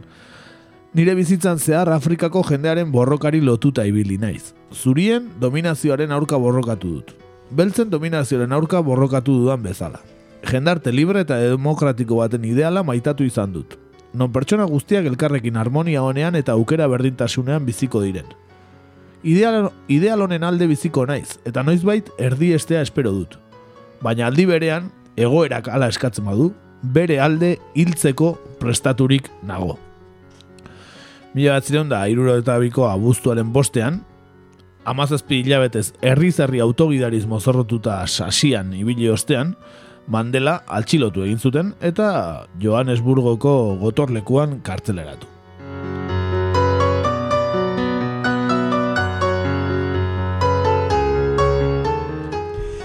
Eta e, Ego Afrikako Kongresu Nazionalaren historiari jarraituz, e, larogeita bederatziko urriak amabost arte egon zen legez kanpo Afrikako Kongresu Nazionala, eta berekideek espetxean edo atzerrian jardun zuten, baina urte hartan Frederick Willem de Klerkek onartu egin zituen AKN eta beltzen beste zenbait alderdi.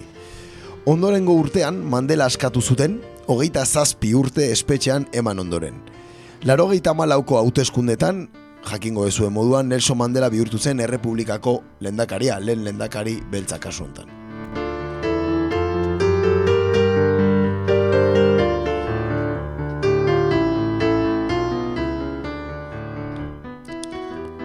Ba, ba, balio dezala, Atalonek, Gabriel Rufianek ez jakintasuna desegiteko eta bide batez orain mundu guztian idolotzat ditugun pertsonaia batzuen egiazko kontakizuna egiteko.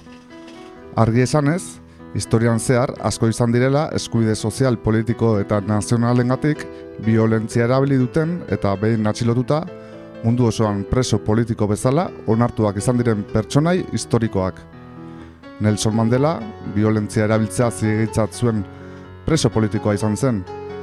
Eta hala ere, bera askatzearen aldeko aldarria mundu osora zabaldu zen eta Ego Afrikako lehendakari eta simbolo nagusi izatera iritsi zen.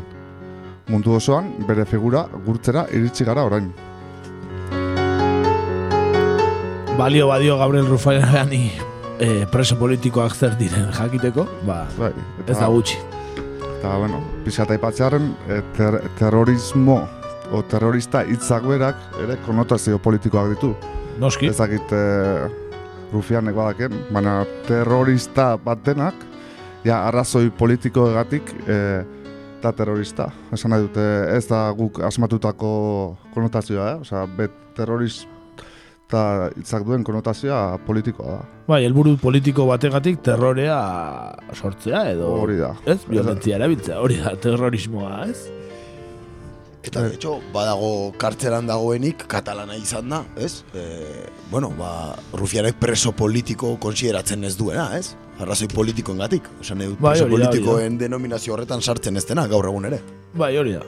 Bueno, guk eh, preso politiko tzat ditugu, ba, politikaren gatik preso dauden guztiak ez, helburu politikoen alde borrokatzagatik, eta, bueno, ba, gaurko epaia eta gero, ba, ba, bai Junkeras eta Kuixart eta denak, ba, ba, preso politikoa dira baita ere, ezta? Argi eta garbi.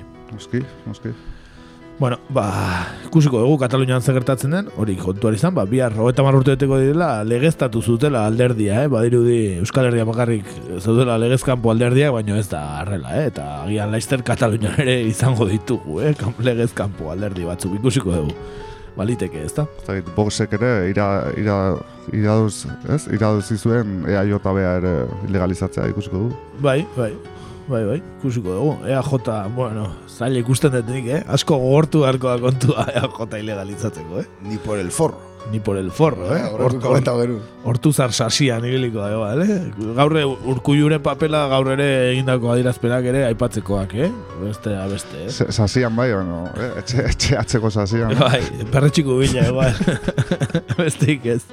Bueno, eh, abestitxo bat ekarri dugu, eh, kasu honetan, bueno, ekarri behar genuen ba, Nelson Mandela abestiren bat edo ez, ba, daude, a- bastante daude eh, munduan ez, Nelson Mandelan abestiak eta, Bueno, ba, beste ba, gauza bat ekarri dugu era bat desberdinan, loen eus, euskeraren gaia aipatzen aritu gera. Bueno, ba, ekarri dugu abesti bat, e, Arnaldo Tegik e, liburu bat atea zuen bere egunean, e, gazteleraz idatzi zuen, euskeraz beharrean ez, euskeran gaiarekin aritu garen ez, eta nola Arnaldo Tegi batzuk e, e, Euskal Nelson Mandela bezala aipatu duten, eta abesti honek berak ere aipatzen du Euskal Nelson Mandela dela, Nelson Mandela zuria. Bueno, bakarri dugu Pekotza United talde bikainaren ari-ari otegi presidente. benetan, abesti bikaina eta letra, benetan, e, bueno, umore pixkat jartzearen gaurko egun gogorroni, ez da batez ere Kataluniari begira. Entzun dezagun, ari, ari, ari, otegi presidente. Aurrera.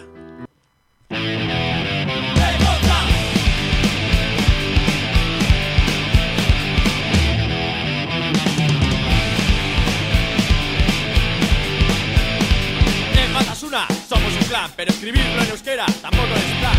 Para dirigirme al pueblo me dejé de mariconadas. Mandela vasco, el Mandela blanco. Mandela vasco, el Mandela blanco. Escribe en español mejor que Franco. El tiempo de las luces, el tiempo de las luces, el tiempo de las luces. El tiempo de las luces ya ha llegado. No voy a ser yo el último pringao.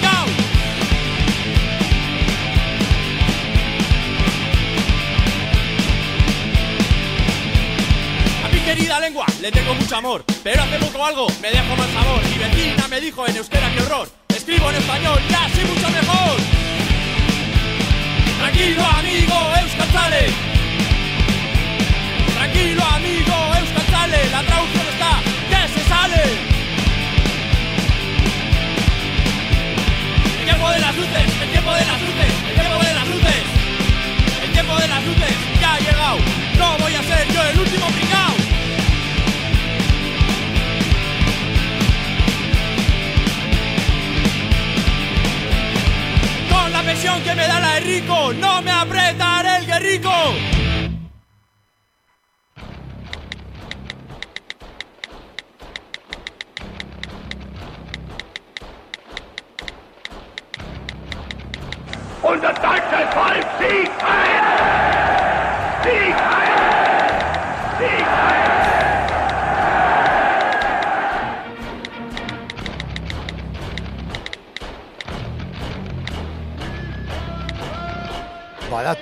Badatoz SSA. Sare sozialetan egur.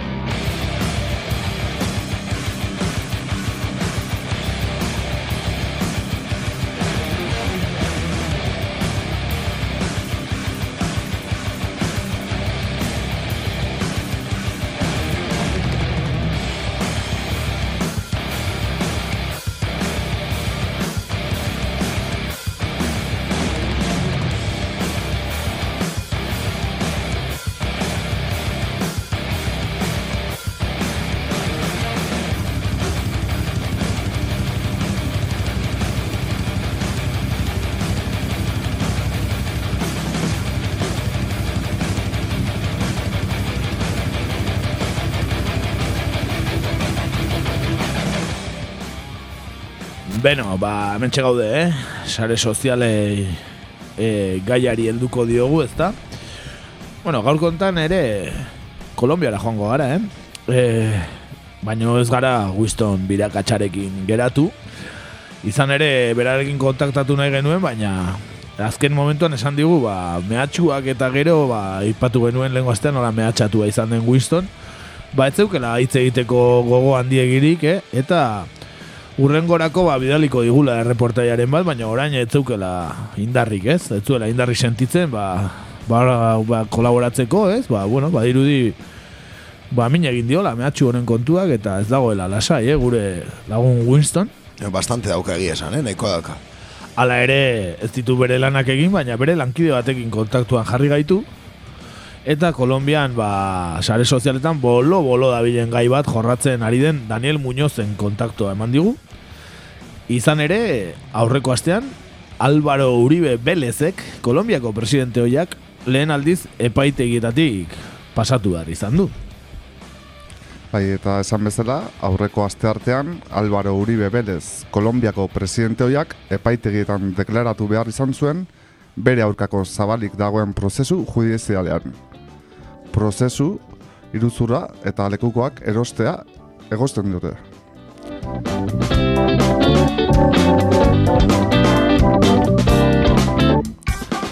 Prozesua, Uribek berak hasi zuen orain bosturte. Iban Zepeda, Polo Demokratiko Alternatibo Alderdiko senatarian, senatariaren aurka jarritako kereia batekin. Baina kontuak ez ziren berak nahi bezala atera. Josuliz Barcelo epaileak CPDaren aurkako kereia artxibatu egin zuen eta Uriberen aurkako ikerket- ikerketa jarri zuen abian. Eta honen guztiaren atzean Uribek paramilitarrekin eta narkotrafiko, na, narkotrafikoarekin dituen kontaktuak eta harremanak daude. Dirudienez, CPDak egozten zizkion harreman hauek benetakaak dira. Eta Uriberi lekukoak erostea egozten diote harreman hauek ez ezagutarazteko.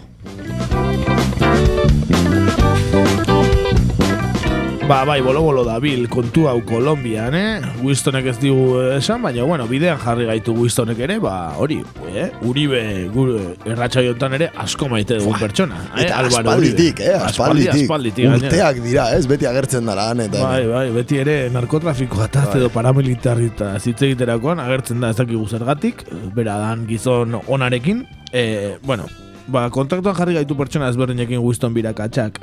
Eta adibidez, ba, Kolombian youtuber nahiko famatua den e, La Pullaren e, kin kontaktua jarri gaitu eta berak eman dizkigu bideo baten bidez, ba, epaiketa honen ba, klabetako batzuk, ezta? Entzun dezagun, e, ba, ze klabe ematen dizkigun La Pullak. Álvaro Uribe está hoy en la Corte Suprema y queremos contarles en un minuto porque esto es importante. Uno, es la primera vez en nuestra vida republicana que un presidente de Colombia tiene que presentarse ante la Corte Suprema, señalado por haber manipulado testigos en una investigación en su contra. Dos, esta indagatoria podría dar las primeras puntadas sobre la presunta participación de Uribe y su hermano Santiago en grupos paramilitares. Tres, la Corte Suprema está en una posición maluca. Si declara culpable a Uribe, seguro dirán que es una persecución política. Si lo deja en libertad, van a decir que le dio miedo y que perdió su independencia. Pero el punto es mirar las pruebas que tenga. Cuatro, podría ser la primera vez que un presidente afronte un juicio mientras está capturado, si así lo decide la corte. Cinco, si se toma una decisión de ese estilo, la reacción de quienes apoyan a Uribe podría terminar en un ambiente de polarización, disturbios o enfrentamientos. Y un bonus. Este proceso podría poner a Duque entre la espada y la pared porque él dice que defiende las instituciones, pero también sabemos que le debe ese puestico a Uribe. Azkeneko klabea, eh, benetan eh, bikaina, eh? eh? Duke da, Iban Duke da Kolombiako presidentea. Eta, claro, esaten du epaitegiak onartzen dituela, baino Uriberen aldekoa da Duke, ez da? Uribek jarria da Iban Duke, beraz, eh, bueno, ikusteko dago oraindik ze gertatuko den guzti honen atzean. Hala ere, asko maite dugunez, ba, Álvaro Uriberen hitzak ere ekarri ditugu, eh? entzun dezagun bere que yo no me invento ir a buscar un testigo al otro. Envío a alguien, es a corroborar información. Por eso surtió lo de Juan Carlos Sierra. Y allá fue el abogado Diego Cadena. Y finalmente, Juan Carlos Sierra dio una declaración que reposa en la corte a una investigadora de los Estados Unidos a quien contratamos para ese efecto la señora Lisi, ex CIA. Y esa declaración se allegó a la corte, pero la corte no le tomó declaración. Todo lo que yo busqué fue afanosamente la verdad. La defensa del bien superior de mi honra y el pedido de que la justicia por el bien superior de su respeto investigara. Bai, bai, su honra, eh, beretan. Bere estilo predikadorea ez du utzi alde batera, eh, Albaro Uribe. Inondik inora ere.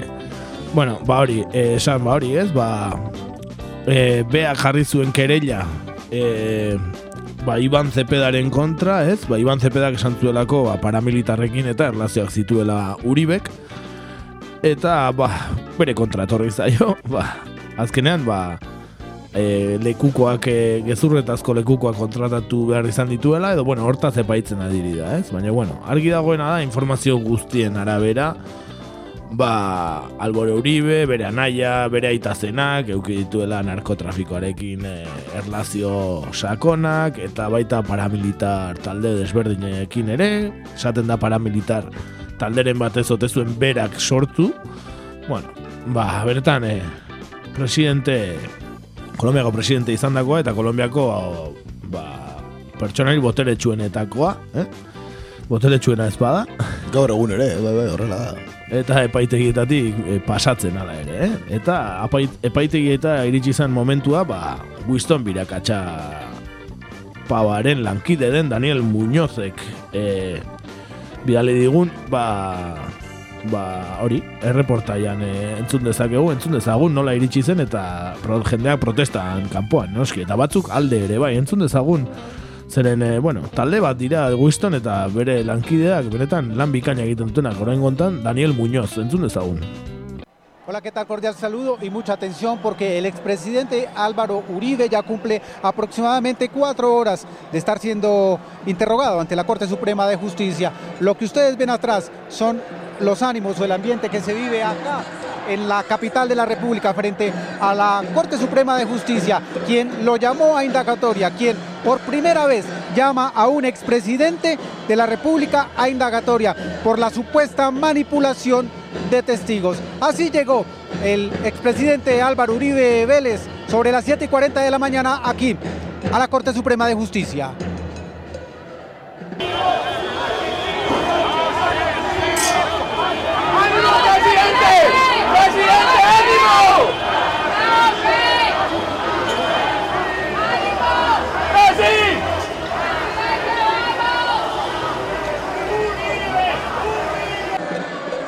Bueno, y la revuelta que ustedes ven allá al fondo es básicamente porque las autoridades no quieren dejar ingresar frente aquí a la Corte Suprema de Justicia a los opositores que han llegado hasta aquí a protestar en contra del presidente o del expresidente Álvaro Uribe. Pero más temprano en la mañana, esto nos dijeron tanto los unos como los otros. Esto ha sido como un encuentro entre la izquierda y la extrema derecha.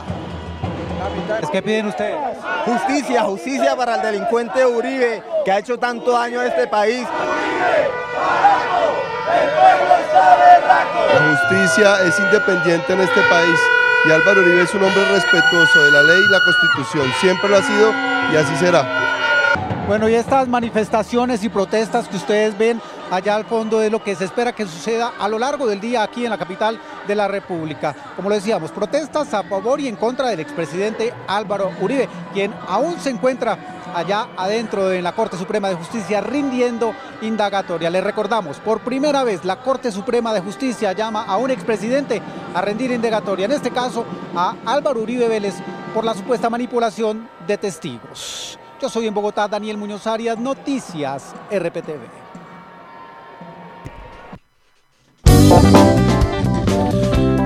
Bueno, noticias RPTV, bueno, ondo esan du, ezta? Ezkerraren eta ultra eskuinaren arteko gandazka izan zitekeela, ez? Batzuk Uriberen alde ultra eskuinak, noski, eta ezkertiarrak ba, protestan kontra, ez? Eta, ba, holax esatezien, eh? Uribe, parako, el pueblo está berrako, eh? Benetan esaldi bikaina, esan parako dala paramilitarra edo paramilitarren aldekoa, iretzen zaiela parako, ez? Orduan Uribe, parako, el pueblo está berrako, berrako asarre, ez? Bueno, urteko lema da, ez? Oraingoz behintzat. Oso ona, oso ona. Dudari gabe, Uribe parako, el pueblo está berrako. Bueno, ba, holaxe gaurkoan ekarri deguna, ez da? Eta aipatzearen bukaeran, ba, hori, igual e, kakaintzona eta RPT beren arteko lankidetzan sakondu beharko genukela, eh? Benetan, talde bikaina dira, eta eta lankidetza bikaina egin dezakegu. Bai, bi komunikazio talde bikain emaitza bikaina emateko, ez da? Hori da, hori da. Bi komunikazio talde handi. Eh? Hori da, hori da. Eta boteretsu. eta boteretsu. Hori da. Bueno, ez gera aztu Twitter galderaz. E, esan aurreko astean e, bidali genuen galdera e, ba, zala UPyD eta Ciudadanos ba, batera aurkeztuko direnez, ba, ea Gorka Maneiro zeinen alde agertuko den, o zeinen alde eskatuko duen bozka Gorka Maneirok, ba, jarri genuen más España, baina más país zen, konfunditu Bueno, ginen, baina- ondo ulertu Er- ginela uste, Errejón, ez? da, errejón. Eso era. edo Vox, edo Navarra Suma, edo E EAJ PNV. Ba, EAJ PNV irabazi du, eh? Oraindik foralista bihurtuko zaigu gure gure gorka maneiro, eh? Jengoiko eta legezarra besarkatuko du. Eukiko zuen asiento txoren bate, bere Eh? Bai, seguru baietz. Seguru baietz. Mane, maneiras de vivir, ezta? Bai, Río de Maneiro. Hori bai. da, hori da, pua, eske infinito da Maneiro erekin Bai, indaitezkera. hori da. Baina bai, eh, seguru EAJ karguak sobran dauzka eta asientoak ere bai, así que edo zen itarte egiteko badauka. Eh, hori izan zen aurreko astekoa, eta aste honetan, ba, nola irratxa honetan, eh, demokrata asko agertu diren aste honetan, ez, irratxa honetan, azken Álvaro Uribe adibidez, da, hori, ba, jakineko genuke zuentzat zein den demokratetan demokratena, ezta? Gaur agertu denetan, gu jarri ditugu Miguel Sanz, agertu da, Lenin Moreno, agertu da, Gabriel Rufián, agertu da, eta Álvaro Uribe, eh? zuentzat, ba, zein den demokratetan demokratena, eh? Eta hemen demokrata izan behar delako, eh? Lider politiko izateko argi eta garbi, eh? Ez eta gero bakoitzan nahi duena egiten duen. Leia estu bezain interesgarria. Hori da. Ba, hemen txedoa txioa, eta zuek esan, aste osoa daukazu erantzuteko. Hor txedoa txioa, eta erantzunaren zai geratzen gara. E, besterik ez daukagu, ezta? Nahikoa gaur ere luze eta zabal, eh? Ia orduta erdi egin dugu, eh? Beraz, nahikoa, aste hontarako, datorren astean hemen izango gara. Eh? Bai, asteak emango duela badirudi, beraz hori, urrengo astelenean hemen entzungo gara. Hori da, ea nola doan Kataluniakoa, eh? Besarka handi bat, Katalunia herriari hemendikan. Hori da, eta kaskoa jarri. Eta berrako segi dezatela. Hori eh? da, hori da. Parakoen kontra, eh? Benetan bikain, bai, arrelaxe. Bueno, ba, kontu guzti honekin, ba, Kataluniako talde baten abeste ekarri dugu, inadaptats taldea ekarri dugu, kambiarem la historia, eh? Abestia, beraz, abesti honekin uste zaituztegu, datorren astore arte, ba, ondo izan. Hori da, gaiztok izan, urrengo arte. Aste arte, aio.